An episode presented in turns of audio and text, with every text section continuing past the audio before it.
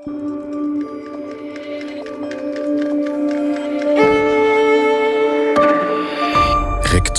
verso. Welcome to Corona Talks Back. I'm Sibo Kanobana, and today I have a conversation with Santiago Zabala. Zabala is a philosopher and cultural critic. He's a professor of philosophy at the Pompeu Fabra University in Barcelona, where he teaches contemporary philosophy. His books, his articles, and research focus on the meaning of art, politics, and freedom in the 21st century, and these are also the issues that we will discuss today and that he discusses in his most recent books Being at Large, Freedom in the Age of Alternative Facts, published um, this year in 2020, and Why Only Art Can Save Us The Aesthetics and the Absence of Emergency, published in 2017. Uh, in both books, he, made, he makes really clear that the greatest emergency is actually the absence of emergency. And these books will guide our conversation about COVID 19, inequality, climate change, and the role of the arts. I hope you enjoyed this conversation as much as I enjoyed talking to him. Hello, uh, Santiago Zabala. Um, I'm really happy to have you uh, for this conversation. Uh, I was actually really looking forward to it, and um, I got, yeah, um, I, I got. I mean, I got your uh, your contacts through a, a, mutual friend. I think uh, it's Arne Arne de Winde who uh, brought us together. And uh, today, yeah, I would like to talk about your work, and I would like to talk about also the, the social relevance of your work because we're living in strange times, as everybody knows. Um, and um, I think that your work is really bringing some uh, interesting perspectives on these uh, strange times. But I'm also, well, I, would like to have a conversation with you because I don't know, sometimes I'm not sure if I understand everything or I think about there are some caveats also or about things that you try to, uh, to, to, to explain. Now, maybe first of all, I mean, maybe it would be good that you introduce yourself first, that you tell me who you are uh, and what you are working on. Uh, well, my name is Santiago Zabala. I am, uh, I like to call myself a European citizen uh, because I grew up in, um, in Rome, Vienna, and Geneva, so I don't really have one place. Uh, and I am what we call nowadays, so we try to call, um, despite uh, what the university says, a philosopher. In other words, I try to think beyond not only the boundaries of what a professor of philosophy is supposed to do, but actually to practice philosophy. Um, and this means um, trying to write books, trying to write articles in the media, and trying to, in some way, understand how we can best interpret the condition in which we find ourselves. And uh, the reason I like to do this is because I think that thinkers in general, not only philosophers, but you know, any any any thinker that tries to overcome the boundaries of its own discipline, a little bit lacking now in Europe uh, and actually everywhere. It's very difficult to be a public intellectual today, not in the sense that we need public intellectuals, but it is, it is a problem to be a public intellectual. It's a problem to, um, uh, we're not anymore in the 60s or 70s where any big event they immediately run and ask thinkers what, what, what it meant. Uh, today we are, I think, public intellectual. There is a lack of, of critical thinking among uh, among the media and among the public in general. And to tell you the truth, often also within the universities, uh, depending on which university you teach. So basically, my work deals with, with trying to understand what our condition is, what how we can best describe the situation in which we find ourselves. Well, um, today Today, I'd like to, to, to, to, to, ask also for your uh, perspectives on these things uh, to understand better the situation in which that we are living right now. And um, the thing is that I would like to rely on two, two of your most recent books. There is like Being at Large, that is like the most recent book, if I'm not mistaken. And, uh, and then there is this other book, uh, Why Only Art Can Save Us. And that's actually maybe where I'd like to land. So first I would like to talk about maybe the wider social, economic, political context in which that we are and try to make sense of that. And then to see the position of art in that. Now, maybe the, the wider thing, and you talked about the role of intellectuals, the role of thinkers in this society. And I think it's really interesting because, I mean, we have people like Zizek who are very mediatized, uh, that I would put on the left side of the spectrum. And then we have other people like uh, the psychologist Jordan Peterson. Now, it seems to me that um, the, the conversation is not really taking place um, between these intellectuals who have different perspectives on it. And this may be also linked to uh, what, what you, um, well, the, the, importance of, of a conversation. But it seems that, that, I mean, at least I think that Zizek, but that, that's maybe because I am rather on the left side of the spectrum, uh, kind of is, yeah, very critical of certain things. Now, what I, what I see is um, certainly people like Jordan Peterson or Sam Harris are very much, or Mark Lilla or other American intellectuals are very much critical of the left by uh, criti- criticizing postmodernism and by criticizing identity politics. Now, I understood that you are also mentioning that there is actually a lack of left wing populism. Uh, but isn't identity politics that left wing populism that we are talking about? Or what does that critique say about about the left between quotation marks? No, I, I totally agree with you with, with the description you gave. Um, I think that both uh, Zizek and Peterson are no doubt public intellectuals, and they uh, are probably a little bit more Zizek than Peterson. And and then who else? That's my concern because they, they are sort of superstars, and um, and uh, I'm glad that Zizek is there. Peterson, I don't find very uh, very interesting or or or uh, very interesting. Let's put it this way. Um, but there are not many more. Uh, in other words, um, and and there are not many more. It's not because there aren't any good intellectuals out there. It's just that there isn't a lot of space for them. And and also, I think this this also has to do with you know with the crisis of the newspapers and, uh, that we only read small texts instead of those longer texts that we were used to. Uh, in this in this condition, the intellectual already had began to have a serious problem in uh, uh, with television in the, in the 70s and 80s. Well, but now with social media, it has almost disappeared. So I would look at Zizek and Peterson as two exceptional cases, and maybe there are a few more that who might not be that interesting from a, from a more philosophical point of view. But so they are there. Now, um, what is interesting here is that I think that in order to explain this, and also in order to explain the difference you mentioned between the right and the left, it is important also because it's curious that you mentioned, and you're right to put it, put it this way, you mentioned more intellectuals on the right than on the left.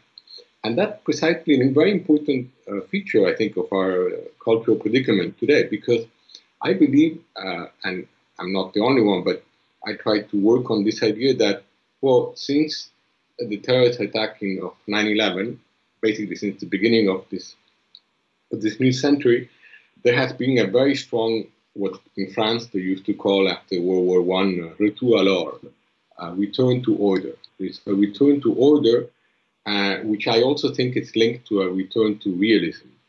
Uh, and what does this mean? This means that basically after 9/11 and also after the financial crisis, and I wouldn't be financial crisis of 2008 and 9, and I wouldn't be surprised after this pandemic now.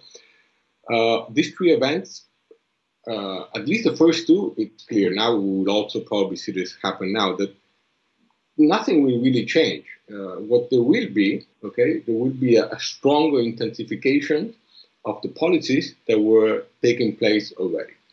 So there was neoliberalism with stronger neoliberalism. There was more control, technological control, there would be more even technological control. So inequality that would come up even more. So that there is a return to order since since the beginning of this century, which of course now the latest um, apps they want to impose on us to check whether where we go and whether we have fever or not. It's a clear indication that well we are returning to this. But this is of course this this might sound well this is politics or this is more or less um, governments. But this is also this is also related to to, to culture, to the to what many intellectuals are doing, because the the criticism you mentioned before against identity politics and also against and in particular against postmodernity and what everything that postmodernity meant, because postmodernity means many things. But the main thing postmodernity means, the main I think definition that we can all more or less agree is that well, postmodernity is really was really uh, this idea that uh, Lyotard and many others came up with that, well, the idea of modernity, of universal values and all that, well, it sort of disintegrated itself. And the idea of postmodernity is that we shouldn't try to create another big idea, big values, big big imposition of uh, of values upon uh, upon society, upon culture in general. That basically, then there are many other definitions, but that's basically what it is. So this return to order works very well if we criticize this idea of postmodernity. Uh, and so I think that I think it is clear that all these um, these public intellectuals on the right they're really calling to and you know and they have and I and I would you know they have names and they also have um, they're also named after movement. For example, on uh, Peterson would be probably uh, within what they call New Dark Web movement. Uh Sam Harris is in there too, and um, Sommers, this feminist uh, thinker, and uh, and and also philosophically, we have this thing called speculative realism or speculative ontology, and they also they are sort of returned to well, we have to get as close as possible to reality. Now, the problem here, the big problem here, is that, and this is something that both Zizek, who is an anti-realist, absolutely being a Lacanian, it's very difficult for him to be a realist, but Zizek and also Simon Critchley and others have pointed out, and in particular Bruno Latour recently, that this return to order, beside the thing that I already said, it's also a serious problem from an emergency point of view, which is a concept I think it's important to, to address. In other words, if we think that we have to return to order and return to reality, basically return to facts, you know, to see objectively, and once we see objectively that these are the values, impose them on everybody else. The problem there is that facts and objects don't stand up by themselves. They never did. If I tell you that this is a pen um, in my hand, well, we're not going to go very far from that. Uh, and if I tell you that this is a virus, even less. So we need institutions, we need uh, academics, we need uh, journalists, we need universities, we need a lot of a lot of things in order to make you know to make facts work in some way. That's why, of course, we return now to this idea of fake news or alternative facts, which, of course, there's nothing new in that. It already occurred before. So I see this return to order and realism uh, as of course, which is linked not only to right-wing populism, but it's also linked to innovative dis- uh, disruption and, uh, and of course, all this, this, this obsession with technological solutions as a very poor intellectual form of, it's very poor. In other words, it is really going backward, but backwards not until I think that philosophically we always have to go with history, but I mean backward in the sense of very poor, uh, like probably the intellectual level that, that Trump manifests every day. So that that's the idea. Yeah. Well, it's interesting because I mean this ties perfectly in with um, with your reference to Heidegger and the lack of emergency, the fact that that going back to order is actually a way of ignoring that there is an emergency, a way of trying to to to bring things uh, to, to make things clear um, and that, that maybe also ties into to your call for hermeneutics i mean to for for uh, analytical interpretation as I, as I may paraphrase it. But what i what i what really bothers me and a lot of critique that i hear from a very smart people when they talk about postmodernism is that they uh, frame it's like they they are actually blaming the doctor for making the diagnose. Um, it's like, I mean, to me, postmodernist philosophers, I mean, first of all, it doesn't exist. There is no cluster of people. They are very different people with very different perspectives on, on, on, on, uh, on society. But at the same time, what, what they have in common is that they point at a certain thing that is going on in society. And I would say that, that it is maybe uh, the fact that there is there are no certainties anymore. I mean that, that we are that we are um, questioning the cosmologies that, that, we have been taught and that we are coming up with very different uh, ways of trying to interpret the world. Now, it seems to be that anything goes. Yeah, so that's, that's like the interpretation of people like Peterson or Harris, like postmodernists, they're actually saying anything goes, there is no truth. And actually, they are saying that that's what we are heading at, and that's what Trump is right now. Uh, now, you point at, in, in being at large, you point also at the fact that, that Trump that actually, I mean, that's my interpretation, that power becomes more important than truth. That actually, if you scream the loudest, you are telling the truth. Um, if you have the, the, the, the, place and you have the megaphone, what you are saying, that is the legitimate truth. That is what, what, what we, that, that's, that's the most important truth. And all the rest is actually just interpretation between quotation marks. So I, I see your work as an invitation to say like, no, we have to go back to interpretations uh, and uh, we have to dismantle these power structures as how, what, what, how truth is presented. At the same time, I think you referred to Luther at a, at a certain point, and I'm, I mean, I'm into linguistics, so I'm also fascinated. Interpretation means also translation of the spoken word. Um, so, and Luther not only uh, invited people to interpret the Bible um, on a personal level, so to it's, it's like your personal relationship with God. You don't need the institution of of, of Rome and, and Catholic Church to, to, to interpret for you what God means to you. And with linked with that, we, we also translate the Bible in different languages, and that is perfectly possible without losing actually what what the facts are. Um, now, at the same time, I'm thinking, yeah, but that brought a lot of bloodshed. You know, I mean that that idea that we're just gonna dismantle the power structures and leave everybody uh, and, and, and give people the tools to analyze and to interpret and to understand the world their own way, that brought a lot of chaos. That brought a lot of war and a lot of, lot of bloodshed. So it seems super risky. It's only like, but I mean, that's a very Eurocentric way to look to look at history. But that, that, what would you make of that? I mean, because we're heading to troubled times, right? or aren't we? Because I mean, you talk about lack of emergency, so I'm, I'm, I'm, interested in that because there is really a tension between, on the one hand, that idea that uh, the truth is owned by the powerful and they impose that, and then the idea, and I would link it also to what is happening on American university campuses, that it is interpreted by right-wing philosophers as anything goes and it's total chaos, uh, and it's going to lead to to bloodshed. What what do you make of that? I mean, do you share my analysis and do you share my concern? Um, how, how, do you make sense of that? Um, well, I, I, yeah, I share both your analysis and your concern. I just I, let me just add a few things because, well, first of all, I think it's important that we set, uh, at least from a philosophical point of view, that we set sort of the record straight of what is what is vital here. What is because it sounds it sounds by what you're saying and what a lot of people have been saying for 5,000 years is that truth is very important, right? That truth is a very important concept.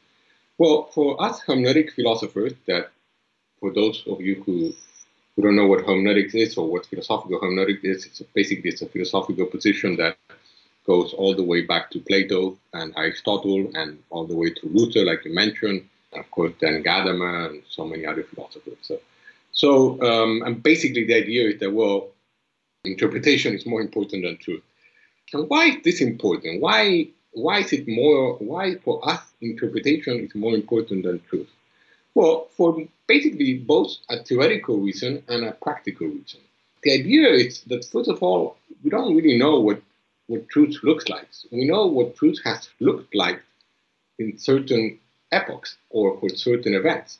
There are many examples we can use from the history of hermeneutics to show this because basically all philosophers of hermeneutics have been trying to justify this in a different way. And maybe one of the, the best ways to justify this is, of course, the, the, what, when you mention Luther, that that's one of the paradigmatic examples we have. It's a very good example because he basically told everybody, well, uh, everybody should be able to interpret for themselves such an important book rather than having someone tell you what it's about. So that sounds something reasonable, right? Well, uh, but it also sounds reasonable, for example, when Thomas Kuhn explained the whole issue of paradigm shift in science. So science does not does not deal with truth. It deals with truth with an S at the end. And this truth they change. There are paradigms that change. And uh, and it's not that one was wrong and the, the, the next one was right. No, it's that the paradigm changed. The way they understood how to look at the moon in that particular moment just change. It doesn't mean that it, it's wrong. Okay? So now that's one thing. And also, it's important, I think, to to point out that, well, why, why? Because you mentioned you mentioned the wars. You mentioned that well, interpretation in some way brings chaos and brings what another important philosopher, a hermeneutic philosopher, Paul Ricoeur, used to call a conflit de las interpretations. In other words, a conflict of interpretation.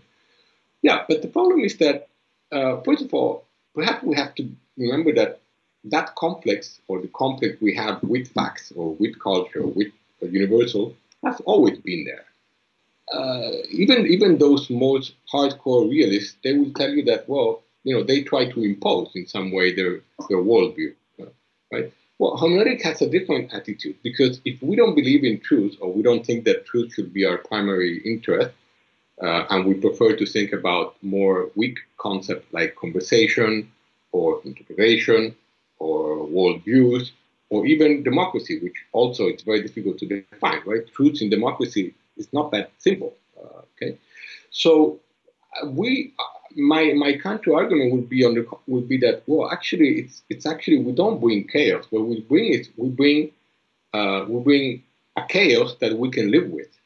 In other words, we will. It's it's a little bit like thinking of the, the image or the concept of God. Can we overcome the concept of God once for all? Mm, even for an anti-clerist like myself, no, you can't overcome that It's like the Bible is quite an important book, and whether we like it or not, it tells our story. So we have to deal with it in some way. So the idea of it here is that who who are the ones that call for interpretation? Who are the ones that say, you know what, there is also another interpretation, and interpretation is really what our existence is about? It is not the powerful, it is the weak. Luther was in a position of weakness. And so, and Thomas Kuhn also, and so the idea here is that the ones for us who want to insist and continue to insist that this this chaos of interpretation of plurality of values is actually something good, not something bad. We're not only following Nietzsche's positive nihilism, but we're also following this idea by uh, probably the most important philosopher after John Dewey of the last century, Richard Rorty, who, uh, by the way, he's one of those postmodernists who predicted the rise of Trump in 1997, uh, and Richard Rorty insisted that, well, if you take care of freedom, or if you take care also of democracy, truth will, will come by itself, will, will arrange itself. It's secondary. So we have more important issues than truth to deal with. Um, and therefore, uh, and this is also important as far as, for example, you mentioned, and you're right to point out the idea of, well, you postmodernist hermeneutic philosophers, for you guys, anything goes. Well, it's not so simple. The idea is that what goes for us is uh, something you also mentioned before, is the conversation. In other words, and this also had to do with what we talked before about uh, objectivity. So George Bush, to make an example, went to war in Iraq on the account of objective facts which were apparently weapons of mass destruction, right? Everybody, we also we have to remember because this is a very good example for us hermeneutic philosophers. Uh, he went to war on an objective fact of weapons of mass destruction, which of course apparently were not there. Um, so on this account, objectivity led to a very massive war. More than one million people died in, in that invasion. So that's one one point. The other issue is that wouldn't a conversation have worked more there? Wouldn't diplomacy, in this case, let's call it diplomacy, would have worked better? Would have have less uh, less casualties? Well, this is the idea here. The idea here is that, and we have to in some way try to maintain the conversation. Uh, and maintain or continue the conversation, like Richard Rorty used to say, is really what philosophy is supposed to be about um, we have to maintain in some way that discourse that allows not only those different uh, interpretations to emerge, but also that possibility uh, for us to, in some way, you know, probably not kill each other, basically. The idea here is also, you mentioned, well, isn't on the right, some people are saying, isn't Trump doing hermeneutic philosophy by saying whatever he likes every day? But if you look carefully at what he says and also his um, uh, the people in his administration, the ones that are still there at least, he's really imposing facts. He's not really saying anything goes. I mean, when he says the media lies, well, he's basically imposing facts there. He's not, you know, he's not responding to them. Already, if he would be responding, that would be a more of a hermeneutical attitude. So my concern is that if we uh, manage in some way to, um, and also why, also it's very curious to think that, and I think this is important to point this out, is that why are there more right-wing populists now than left-wing populists? Uh, in Europe, I think among the very few left-wing populists, probably here in Spain, Podemos is the only one. Then there may be maybe a little bit in Portugal, but not there's nothing compared to the amount of right-wing populists that there are. Well, the reason for this, of course, is that right-wing populism works very well with this return to order, and and at the same time, it, it allows in some way to uh, to to oppose everything that postmodernism values. And the only thing that postmodernism values is not that we want some sort of chaos there. That the chaos that we aspire to is really constitutive or it's really part of our being. Are we really going to consider, believe that uh, Europe today is it's a white it's a white man's land? No, it's not even United States, even less United States probably. Um, so at this point, it, those who still aspire to a universal values, okay, are really aspiring towards a reduction of what of a plurality that you can really not ignore anymore. But this, plurality of values and race, and, and uh, you know, also to, to talk about what I imagine we're going to talk about race, it's really very important because here maybe that's one of those facts that you could perhaps try to, to stick to, and and they don't want to stick to that fact. So I think it's and one last thing before you, before your next question is the idea of emergency, because also here my my idea here, my thesis here is that well, the title of my book is Being at Large. So an at large in English, it, it, it refers too often to a fugitive, someone who runs away from escape from jail or from somewhere he's at large. You don't know where he is, right? He's escaping or he's at large. Well, it's very difficult today to be at large, but not not. But I but I'm not simply thinking. Well, technologically they would always you know uh, find through my phone or whatever. That's that's not that that of course it's very very difficult. It's almost I would say probably impossible.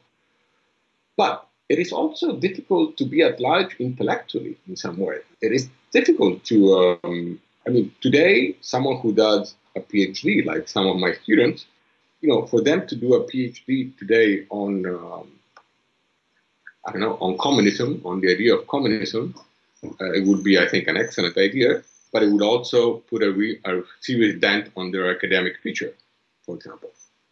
There's no doubt about it. Or even someone doing a a PhD on Derrida would create serious trouble for them.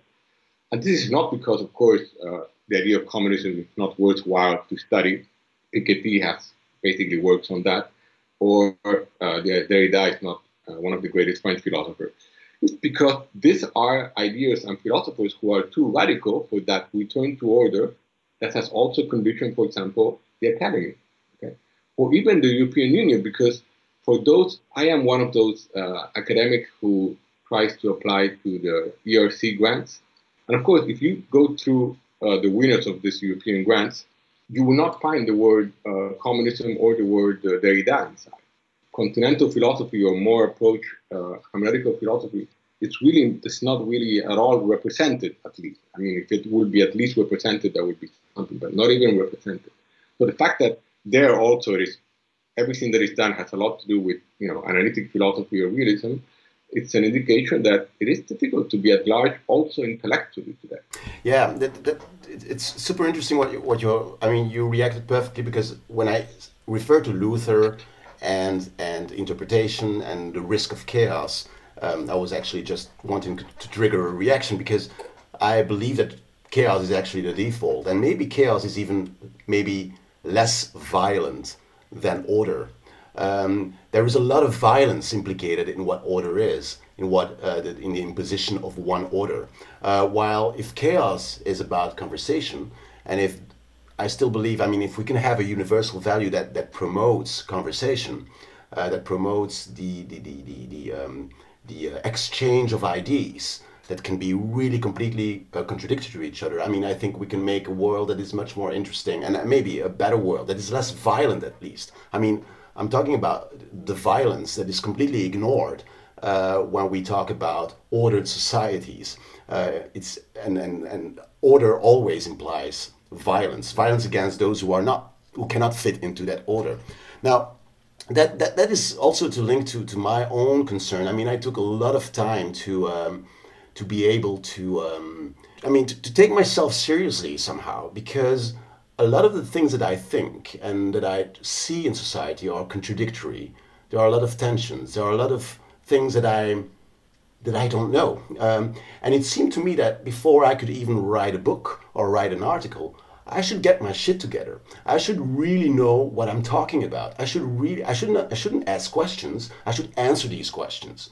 And I came to realize, I mean, I really need a lot of time, that actually the questions are much more important than the answers.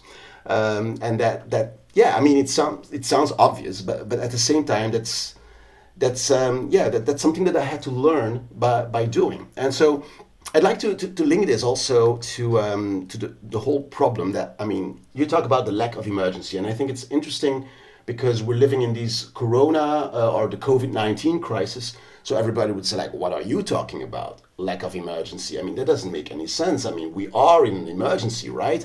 Uh, we could refer to, you refer to 9 11. I mean, that was an emergency, right? I mean, we, we tackled that emergency. So could you explain? I, think I got it, but could you explain in your own words what you mean with lack of emergency? So yes, well, this idea of, of the absence of emergency, it's first of all my uh, my my. This of course is a result of a lot of work on on Martin Heidegger and uh, in part also on Agamben, uh, Carl Schmitt, on Benjamin. Anyway, but my take on this is that well, First of all, I don't think that there aren't an emergencies. I never, I never wrote that. Oh, there are no emergencies anymore. There are emergencies, and the, this emergency that we're we're still facing now, it's an emergency, and uh, so there are emergencies. My my idea is that the greatest, in other words, not the only, the greatest emergency is the absence of emergency. Therefore, for me, for example, the pollution of the air which is responsible for about 7 million deaths per year of lung cancer, it's more of an emergency, a greater emergency than the coronavirus now. So, and the pollution of, our, of the air is an emergency that is absent. Uh, could you imagine if they would confront the pollution of the air the same way they're confronting now the coronavirus?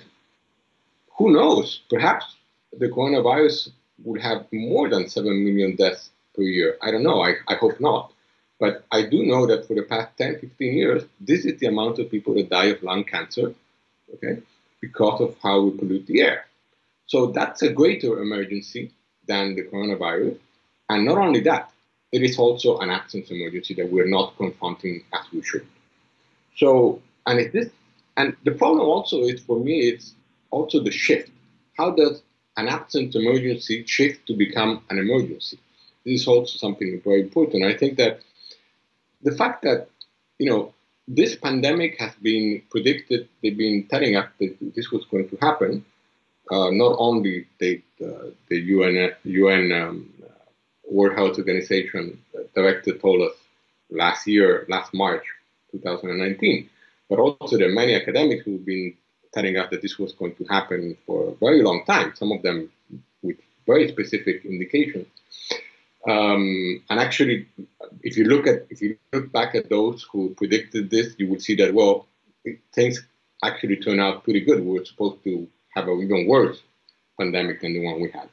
So how that how come that it shifted from being an absent emergency uh, became a real emergency? Well, this also had to do with what we mentioned before, because we are un- incapable. It seems to me that we have become incapable because of this return to order and return to realism to interpret. Because if I tell you there is a warning, this might happen, you really need to interpret. It's not a question of describing, it's really a question of, okay, so this might happen. There is no, no, it's not certain But you know, all these people are telling me this might really happen, and some of these people are actually scientists working on this very seriously. Okay, so here, of course, the best example here is simply climate change. So for the past years, many many years, we've been decades, they've been telling us scientists that you know glaciers are melting, and this is this is a real emergency, and you know, and the worst is still to come, and we're already at a point of no return. Uh, in the book, I make the specific example of biodiversity loss, which is another very important emergency that we do not tackle, and probably the coronavirus comes from not uh, dealing with the biodiversity loss.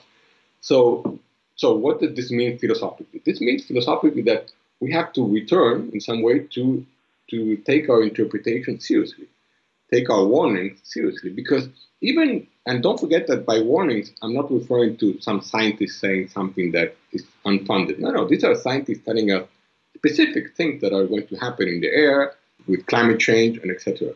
And even those we do not believe. Now, how come we don't believe them anymore? Well, we don't believe them anymore also because of this return to order. In other words, this idea that, uh, well, you know, facts should speak by themselves. So then you have Bush or you have someone else or Bolsonaro simply telling you that the air smells fine or there, is, there isn't any big problem. They don't see the problem there. Yes, because facts alone don't work. We need also a community of scientists, a community of culture, and what you mentioned before, we need that conversation in some way, okay?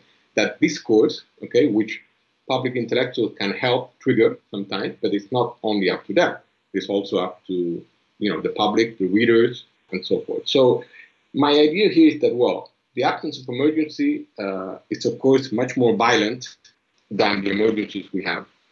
And, uh, and of course, we, I think that we have to find things that how, how, do we, how do we approach it? How do we solve this? Well, one of the ideas, and this is something I try to explain a lot in my uh, in the other book, you know, Why Only Art Can Save Us, is that well, we don't have to be any more rescued from emergency, but instead we have to be rescued into emergency. In other words, we have to be able to understand those absence emergencies that require our interpretation, for example, climate change or, or maybe future virus. Uh, we have to be able to understand that, to, to interpret those, those warnings. And if we manage to do this, then we, we can perhaps, you know, in some way reduce the possibilities of their. But this is an example. I think this coronavirus. I think that this this emergency here has also shown other. I think emergencies that are much more important. I think the crisis of the public health in Europe is a clear indication, probably. Yeah, yeah. It's um, it's interesting what what you said. I, I think that, that that the crisis, the COVID nineteen crisis or coronavirus crisis. Uh, I mean, we know that it, it uncovered a lot of other crises, the climate change crisis, but also social inequality crisis, racism crisis. All these things are actually emerging, not emerging, they are highlighted by, by the COVID crisis. The thing is, I mean, in another conversation I had uh, with a professor in anthropology, uh, we discussed the fact that, I mean, um, the thing with order, how do we cope with these, how do we cope with emergencies? Um, it seems that that we have a really hard time to deal with that. And as, that's also something that, that I understood in your interpretation of, um, of Heidegger when he says only God will save us, or, and that you refer to art, that in a way creativity and, and artistic endeavors are what we, uh, what we need to, um, to cope with the uncertainties of life, the inherent uncertainties of life, and reinterpreting and interpreting. I see a lot of certainly in Central African and West African cultures, um, art is an inherent part of life. So it's something that you use to cope with uncertainties. I mean, that's it's a science actually. I mean, it's a way to gather knowledge, um, to, to to cope with these these these uh, illnesses that you can't see, that you can't touch, that you don't understand. And that's exactly what COVID-19 is actually doing right right now with us in Europe. I mean, it's it's create creativity, it's people creating traditions, creating things, and, and these things are changing all the time. Uh, but at the same time, I see how art is co opted every time by capitalism. And I just wonder um, how, well, th- there is like a, a, bigger force here. So, isn't art seems always, um, when it works within the logics of capitalism, it's actually losing its function. And, and I'm, I'm thinking a lot about hip hop culture because hip hop culture when I discovered hip hop culture, that was true French hip hop. That was really very critical of society. That wasn't uh, about I want to have my BMW or I want to be rich and, uh, and, and stuff like that. But what happened with hip hop culture or what happened with rap music is that it, it was actually completely emptied of its message and of its meaning and became just a medium to sustain the order. Isn't that a risk that we have with any kind of art? nowadays, and how do we get out of this? Okay, well, I um, all right, it's an excellent question. Um, in particular, I like the rap issue because I am a big fan of uh, Cypress Hill and some other rappers from the from the nineties. But okay, so first of all, um, in, in in the book, I I try like uh, like like one is supposed to try to define a little bit what I mean by art because you know art more or less it's basically what you said. It's a creation there that does not have specific frames or that changes its frames all the time. And the world of art, or what we call today even contemporary art, or you know, it's very it's very big. There's a lot of things going on there. It's a lot of uh, uh, there's a lot of uh, a lot of trash, of course, a lot of capitalist, uh, basically a function of capitalism. That, that's all true, and that happens both in uh, you know in conceptual art, uh, and it happens also in in rap music, and it happens also in so that that that's a given. Um, now, I uh, my idea of art here is that has a lot to do with what you mentioned when you quoted Heidegger's idea that, or maybe only a God can save us. Heidegger responded to a question. Basically, he was responding to this idea that, well, now that we are so uh, immersed in technology and we are, because Heidegger is one of those philosophers who made a lot of mistakes in his life, but he didn't make a mistake as far as technology is concerned. He really got it right. And he really explained very carefully how we would be always more framed by technology. Uh, and this is what basically has happened. We are totally framed by technology. So technology is not anymore something that we even control anymore. It is something that controls us. And Heidegger said, well, in this condition, then maybe you know only a God can save us. And God, for Heidegger, is not very different from the idea of being or art or, or creation, because uh, Heidegger specifies in, in, in an important article of 1936 that, well, truth or what we know of truth really happens in this creation, in this moment when, th- when being or existence emerges in some way, comes up. Um, and the problem we have today, and this is why the whole issue of the absence of emergency, is that well, it is very difficult for things to emerge today from the order, to actually simply come up.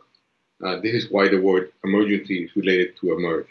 So, how why is art interesting here? Because art, uh, and also similar to religion, also it is it is it is a real it's a, it is a realm of of thought of, of creation and of thought that constantly has to or tries to allow things to emerge and the problem is that when you allow things to emerge, and when things emerge, well, they create what Heidegger also called uh, a total new uh, framework, a total new, a new world, a whole new vision of things. So the idea here for me is that art, perhaps it's, it's one of those realms, or some art at least, and in particular some artists, because since it's so vague, it's, it's important to specify.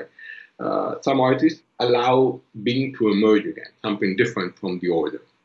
Um, and so that's why in the book I tried to, to point out some artists, there are not that many, but there are some. Uh, and it's, it is curious that I've been accused by many friends of mine that I chose the 12 work of art that I chose in there. Most of the artists that I chose, they're not they're not very famous. They, they, they were actually very surprised that I asked them to uh, they asked them to, um, to, you know, to give me an image of their work because they're not very, you know, some of them, one is a Canadian artist lost somewhere in Canada that nobody knows about. But the idea is that for me, what was important was to find those works of art that allowed the absence of emergency to emerge. So, for example, when Filippo Minelli, um, uh, that's has this work where he has a number of uh, factory full of uh, turkeys, and he wrote on top of the the wall uh, the word Twitter. Uh, so we basically became we're basically you know a bunch of turkeys inside Twitter, and that's what we have become in some way. Well, he's really pointing out an, an emergency that we do not talk about. This idea that well that we are all playing within technology. So I do think that. So the question, I think, the important question is here is okay. So why art and not another realm of uh, of thought? Well, actually, this happens in every realm of thought, even in science, like you mentioned before, because even the scientist has to be creative. The difference with the art world is that the art world, as opposed to, for example, the philosophy world, which is basically or unfortunately framed within the university, is that is that um, it doesn't really have an institution. Uh, yeah, yeah. There are galleries, there are some museums, there's some biennales it, and that tries to be some sort of frame, but it doesn't really work. You know, there are also biennales that are, have nothing to do with capitalism. You know? And so uh, this is the idea that there's there's a possibility of of of, uh, of creating that chaos we mentioned before, that positive chaos, that positive nihilism, uh, in in art that it's not possible in, in, in other in other places, right? So that's why I mentioned before how difficult it can be in academia for someone working on even on actually even on post-colonialism. It might not be that easy today uh, uh, to to work on, or even on feminism, by the way, as opposed to what one might think. There was not going to be that much freedom there either. So the idea is that I, I have a feeling that art perhaps is it's but art I think is one place where the absence of emergency can emerge. There are other places too.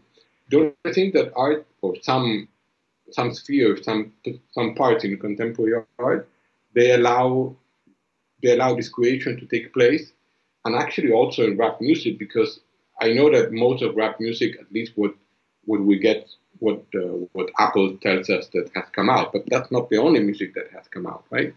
If we are a little bit at large, like I, I like my book calls everybody to be. In other words, that we make an effort uh, of interpretation and we overcome what Apple tell us that that's uh, it's the last uh, rap uh, music, and we actually make some some effort of uh, of you know researching what the new music is out there. We might find that there are many rappers also, not not to mention also conceptual artists that are doing you know are, are allowing this uh, this new creativity to to take place. I really like that that comparison that you make between on the one hand you have art and institutions and institutionalized art and that may be like the art that, that is co-opted by capitalism but on the other hand you have art at large art that we would like to think of as the real artistic endeavor uh, between quotation marks now, the interesting thing is when I hear that, I think about all these colonial monuments that are crit- being criticized right now, and there is good reason to, um, and that these monuments are actually products of an institution. They are institutionalized art, and that kind of art um, is not meant to challenge art to have a conversation, uh, it's meant to sustain the order. Now, when I think about the works that you mention in your book, as you say yourself, I mean, these are all quite unknown artists that you selected. It seems to me that when I look at the current situation, it's through social media that we can discover artists that are not institutionalized, that are from the margins. It makes people who didn't have a platform being able to have a platform, right? Mm-hmm. Um, so, so you can really bring out a message. On the other hand, uh, we have these algorithms and we have the way that social media works that we are all in our own echo chamber and actually not having a real conversation with other people. I would like to paraphrase Gil Scott Heron here when he said the revolution will not be televised, the revolution will be live. I would say like the revolution will not happen on social media. The revolution will have to be live. And that was for me an argument to say like art actually on social media is not going to work that is not the way that we're going to do it. At the same time, and I'm very much involved in anti racist uh, uh, activism, um, I see that most of the activism is going on online. So um, it's not completely true because people are putting paint on, on monuments in the streets, and that is picked up in the media. And uh, but I sense a tension here between the opportunity that social media brings us, but also the the, the caveat uh, in which that we can uh, end up. Well, I, I have my I uh, I'm not going to um, you know one thing is uh, that Facebook, Twitter, and whatever have you allows us to you know to to get in touch um, that's one level of what social media allows us to do. We all know that, well, this is really surveillance capitalism. It's really more about, you know, telling us what to buy and giving us, offering us whatever that comes up on the on the screen. Um, the question is that I have doubts uh, how much how much we can trust also this social media. Um, and I would say the same thing if we would be talking 40 years ago. I would say the same thing about some newspaper. I wouldn't that wouldn't change. So h- how much can we really trust it? Because the moment that uh, Trump um, and he might do this, I wouldn't be surprised if, that, if they didn't already start to do it. The, the second that they they decide that uh, one of this uh, movements is basically should be treated as a terrorist um, group, I assure you that Facebook would have would be obliged to immediately send them also your your address. I wouldn't trust them at all. Okay, and that's why I would be very careful in saying, "Well, it's it you know it has a good side and a bad side." No, no, no, no, no. The bad side is it's it's terrible because the bad side is a total control over us. So I would be very careful in, in you know in, in uh, I'll be very cautious uh, with social media. I wouldn't be so. Where does the revolution or where does the conversation have to take place? I'm afraid that it has to take place. It has to take place on every level, but in particular, it has to take place um, live, like you said. This is this is something that it, it's, it's, complicated. It can you know it can take place live in so many different places. You know, even if you look at 1968, it took place in very many many different places. Okay? not only in Paris. So I would be a little bit more cautious with the idea that also I think that even even right now, uh, the way that Zuckerberg has, you know, his ambivalence towards Trump, this is you know this is this is this is late. This is very very late. Uh, this is this is this is so late that you should be shut down. This is too much.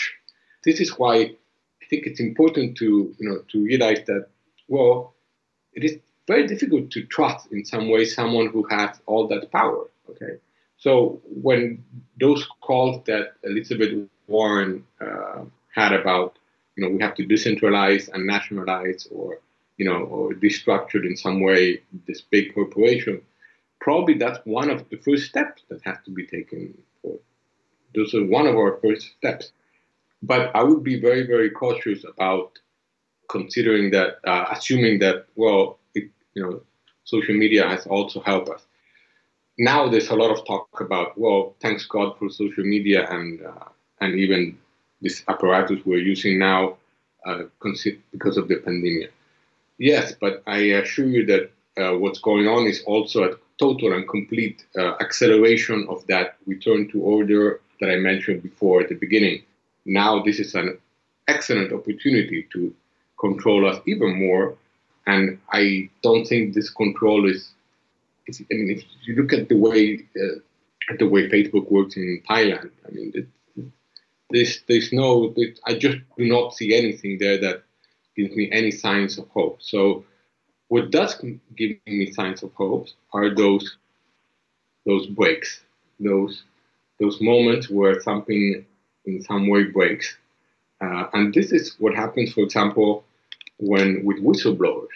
Uh, sometimes whistleblowers manage to. I don't think this would take happen a lot more, because it is important to remember about whistleblowers that we know the payment one, right? Assange, Snowden.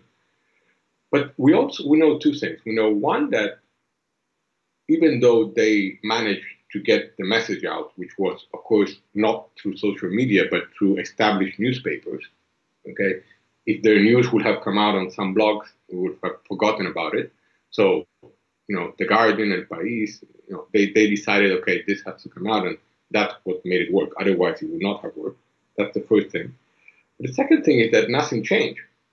Truth did not really change anything there. Uh, we literally had the truth in front of us. It, uh, George Bush was not sent uh, to face war criminal charges. Uh, nothing really changed there. So here's where interpretation, activism, the idea that well, this because my my and this is a little bit also to sum up my philosophical modest view is that I don't believe in this idea that well, there is an alternative is possible. I am I'm a little bit mm, with a lot of quotation mark, a little bit more realist here. I think it it is more interesting if we look for I think that an alteration is possible. Now alteration is actually uh, it's actually it's, it's a very big change. Alteration is, for example, something that uh, a politician that now, of course, is totally uh, degraded as much as possible, who Hugo Chavez, who in the 90s, uh, I have a whole book on him called Hermeneutic Communism. He's one of the few presidents who, of course, he went to the United Nations and told everybody that Bush was the devil. He was someone who literally said the things that were supposed to be said. But he's someone who, who also practiced this alteration. He's someone who decided at a certain point, I don't remember the year now, to leave the IMF. Now, leaving the IMF, it, it, it's a very, very radical move. Okay, it's, it's paying them off also, giving back them the debt that, of course, they would pay at a higher interest.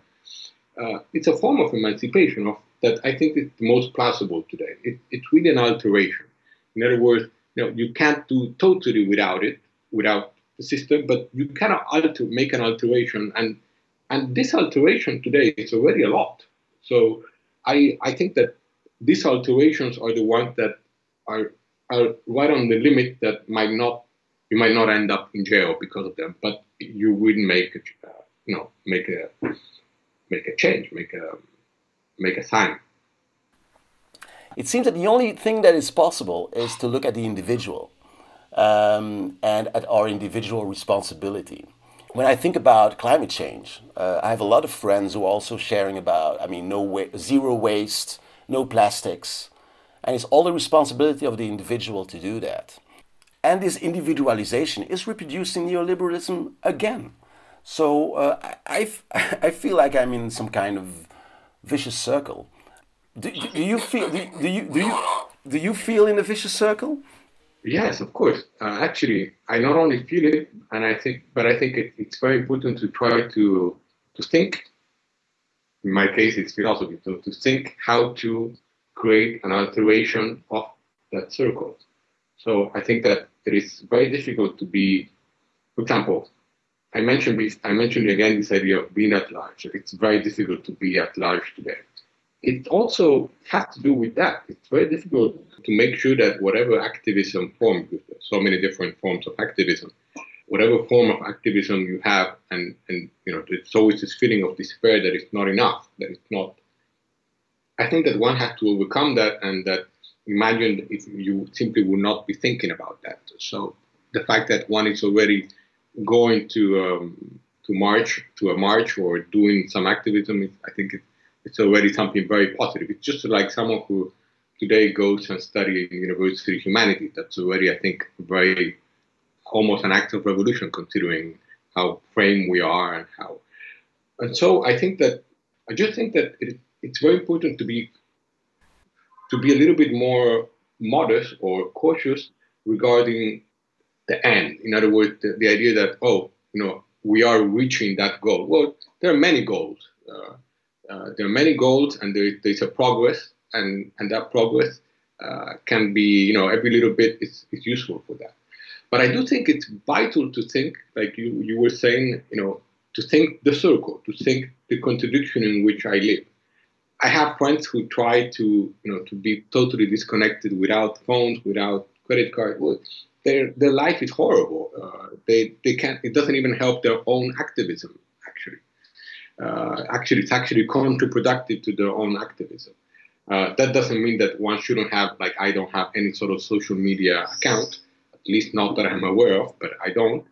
well, that's that's something, right? So, um, but I think it's very important to live the contradiction, and this, and I think that even more important is to understand the inevitability of the contradiction, that there cannot not be a contradiction there. I don't want to save us all and say, well, you know, it's cool, it's fine, we are, we, you know, we are still.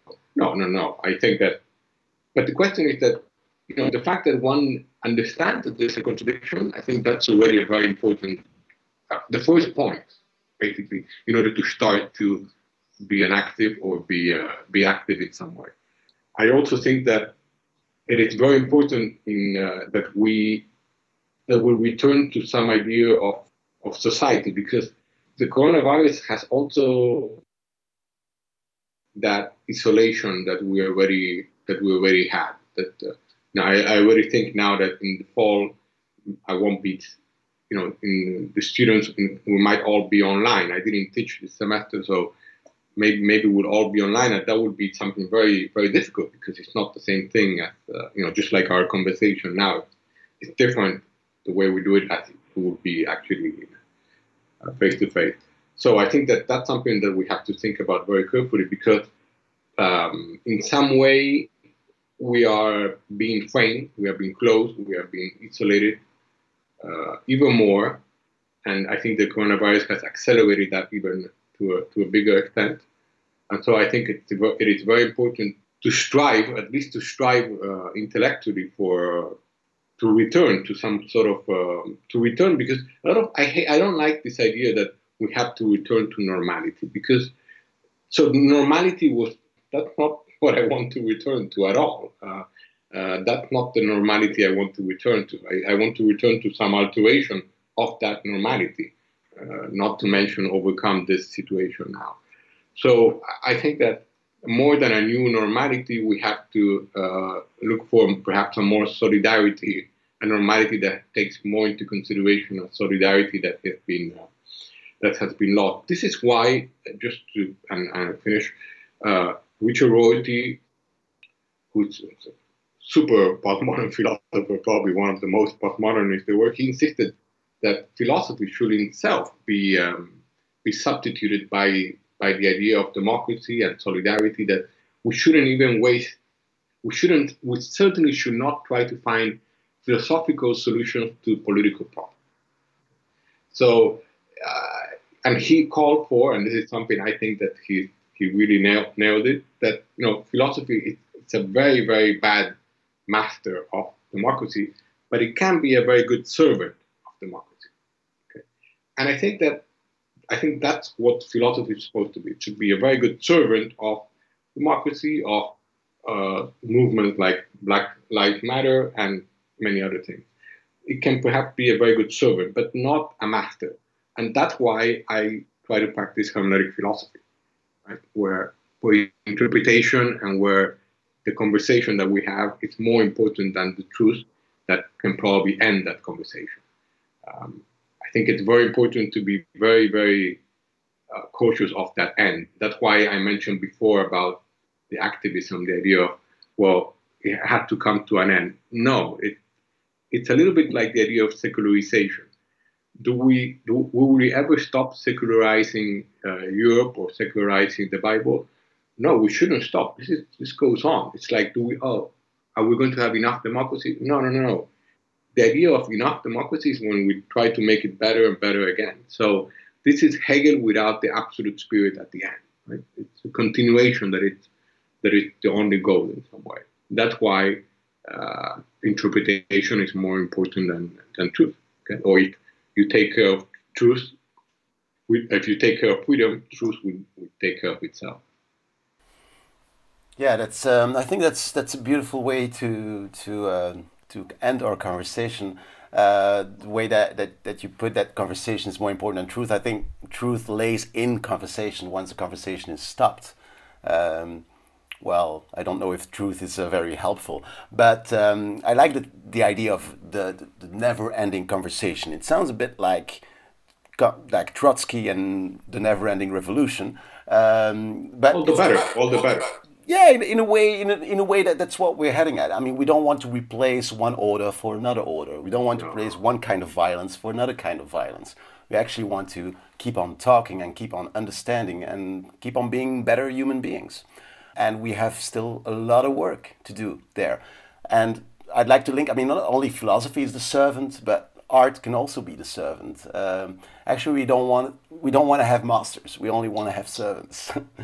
All right. Um, Santiago, um, I really enjoyed this conversation. I really think that we still have a lot of things to talk about, but um, but it, I think it's a good idea to end here, and maybe we'll have the opportunity uh, to to keep on having this conversation yeah, uh, in in other circumstances. Um, thank you very much for your time. We're all very busy people. Thank you, thank you very much for having me. I had a good time, and uh, I. Uh, I took some notes, which I'm sure I'm going to I'm going to use in my next article. Thank you. Great. Okay, Santiago. See you later, and um, yeah, all the best for this summer. Thank you. Bye bye. Bye bye.